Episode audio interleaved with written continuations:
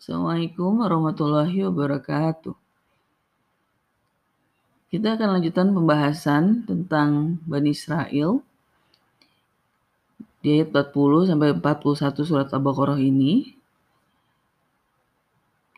merupakan suatu bab baru setelah pembahasan tentang Adam. Kisah Bani Israel ini terbentang dari ayat 40 sampai ayat 141 juz 1 akhir bahkan juga sampai awal juz 2 yaitu tentang pemindahan kiblat. Ya, pada dasarnya si kisah Bani Israel akan terus diulang. Di ayat-ayat selanjutnya, Bani Israel menjadi bagian penting dalam um, Al-Quran. Siapa yang disebut Bani Israel adalah keturunan dari Israel atau Yakub. Nama lain dari Yakub adalah Israel. Yakub sendiri memiliki 12 anak. Salah satunya adalah Yusuf. Jadi kita ingat kisah Yusuf ya itulah adalah kisah Bani Israel. Sampai ke Nabi Isa. Jadi memang ke seluruh hampir keseluruhan nabi-nabi dan rasul ada di atau merupakan keturunan Bani Israel. Semua yang dibahas mm, dalam Al-Quran ya tidak jauh berbeda sebetulnya dengan apa yang pernah Allah turunkan di nabi-nabi dan rasul sebelumnya, terutama di zaman-zaman Bani Israel. Jadi kitab-kitab besar dua kitab besar turun di zaman Bani Israel yaitu Taurat dan Injil. Jadi membahas Bani Israel memang tidak akan pernah bisa dilepaskan dari Al-Quran sendiri karena Bani Israel merupakan ya sebagian besar dari Islam itu sendiri. Kita akan memulainya dari sedikit saja di ayat 40 sampai 41 surat Al-Baqarah yaitu sebut dimulai dari seruan terhadap Bani Israel di zaman Muhammad. Karena di zaman Muhammad sendiri masih tersisa Bani Israel yang memang menanti kedatangan nabi baru. Nabi yang disebut-sebut nabi pamungkas, nabi terakhir yang mereka yakin akan muncul dari keturunan mereka. Ternyata bukan. Muhammad sendiri adalah keturunan dari Ismail. Sedangkan Bani Israel keturunan dari Ishak. Jadi ya sama-sama turunan Ibrahim tapi bukan yang disebut Bani Israel. Ini sangat menarik karena dari situlah akan terpicu banyak kisah tentang pergesekan antara Islam yang dibawa Muhammad dengan Bani Israel. Oh ya, tapi sebelum kita memulai kita harus ingat bahwa ya nanti Allah akan memberikan suatu argumentasi, suatu penjelasan bahwa Islam Bani Israel pun sebetulnya adalah Islam. Mengapa? Karena Ibrahim sendiri adalah Islam Muslim. Jadi Ya, walaupun Bani Israel terkesan berbeda dengan Islam yang dibawa Muhammad karena sudah mengalami banyak perubahan, tapi Allah meluruskan lagi, menegaskan lagi bahwa Nabi Yakub sendiri adalah seorang Muslim.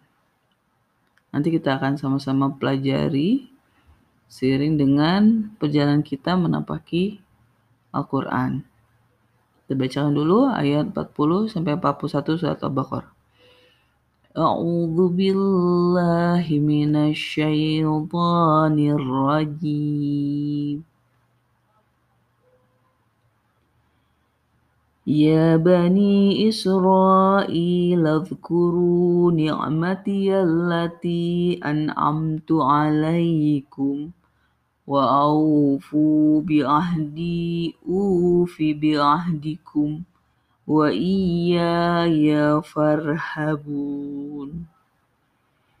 وآمنوا بما أنزلت مصدقا لما معكم. ولا تكونوا أول كافر به. ولا تشتروا بآياتي ثمنا قليلا. وإياي فاتقون Jadi Allah uh, menyeru Bani Israel di zaman Muhammad untuk mengingat atau berzikir atas nikmat yang telah Allah berikan kepada mereka. Nikmat di sini apa? Ya nanti akan diceritakan selanjutnya pada ayat-ayat selanjutnya. Tapi ya kita ingat kita sudah menyimpulkan bahwa nikmat itu bukan kesenangan dunia, tapi lebih ke hal-hal yang berbau akidah.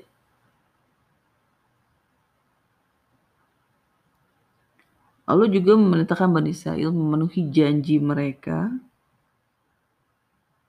Sebagai balasannya Allah akan memenuhi janji kepada mereka. Dan menegaskan hanya kepada Allah saja hanya kepadaku. Wa iya ya farhabun. Kamu takut.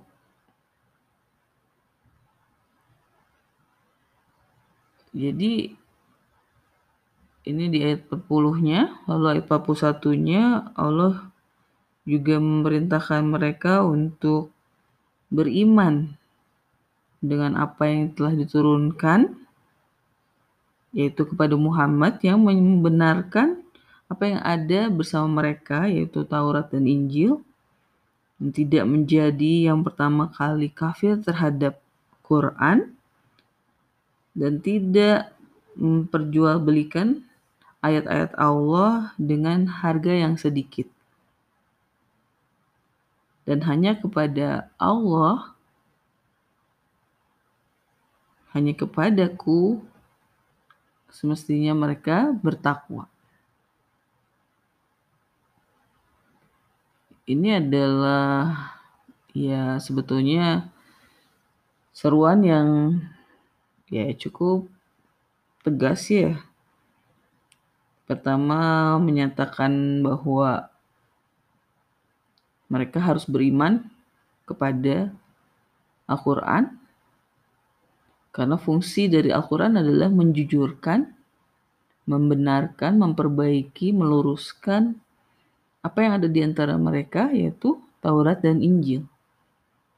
Kedua, jangan sampai mereka menjadi malah menjadi orang-orang yang pertama kali kafir terhadap Al-Quran.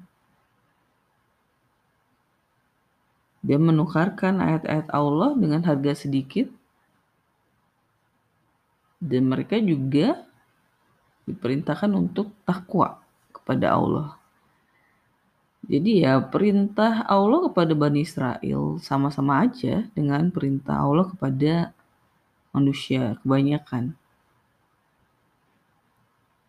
Tapi ada penegasan-penegasan mengapa karena Bani Israel ya yang memegang panji kebenaran sebelumnya. Jadi untuk diketahui bahwa sebelum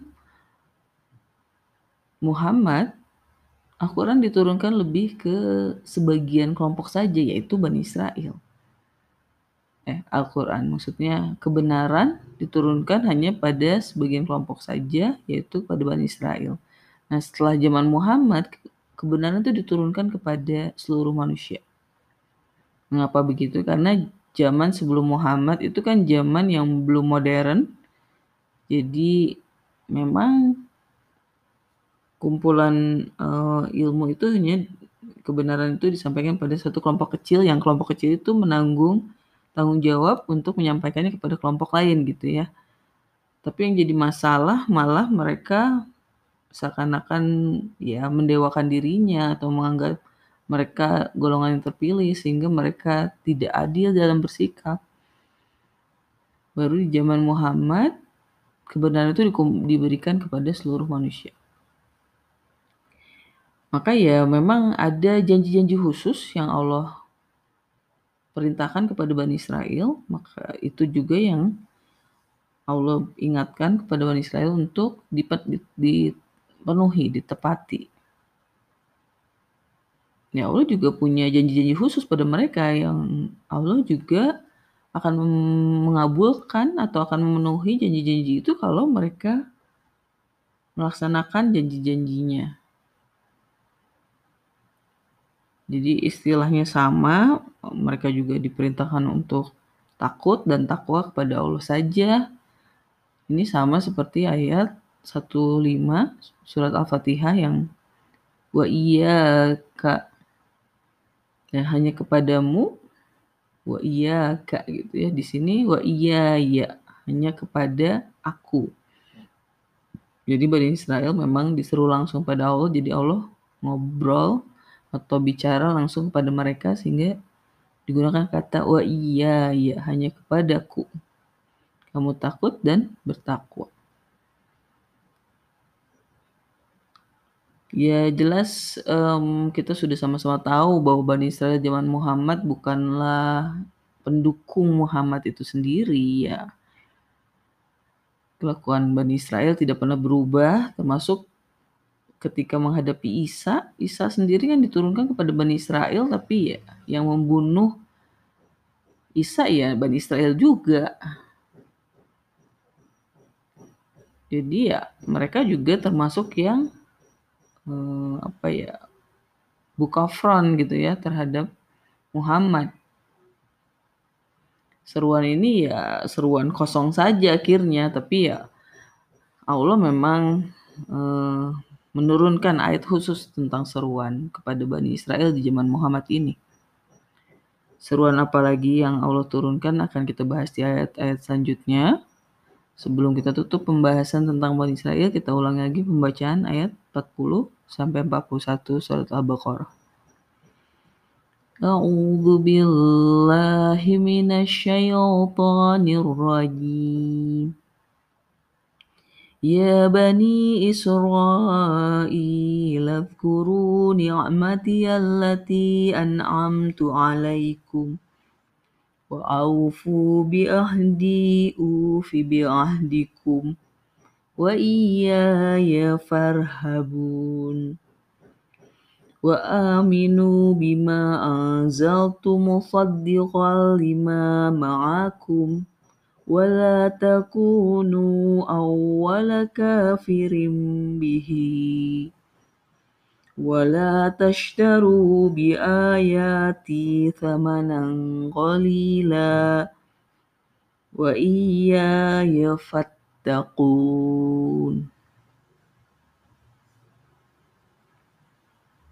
Demikian pembahasan um, surat Al-Baqarah ayat 40 sampai 41 yang membuka seruan kepada Bani Israel di zaman Muhammad. Assalamualaikum warahmatullahi wabarakatuh.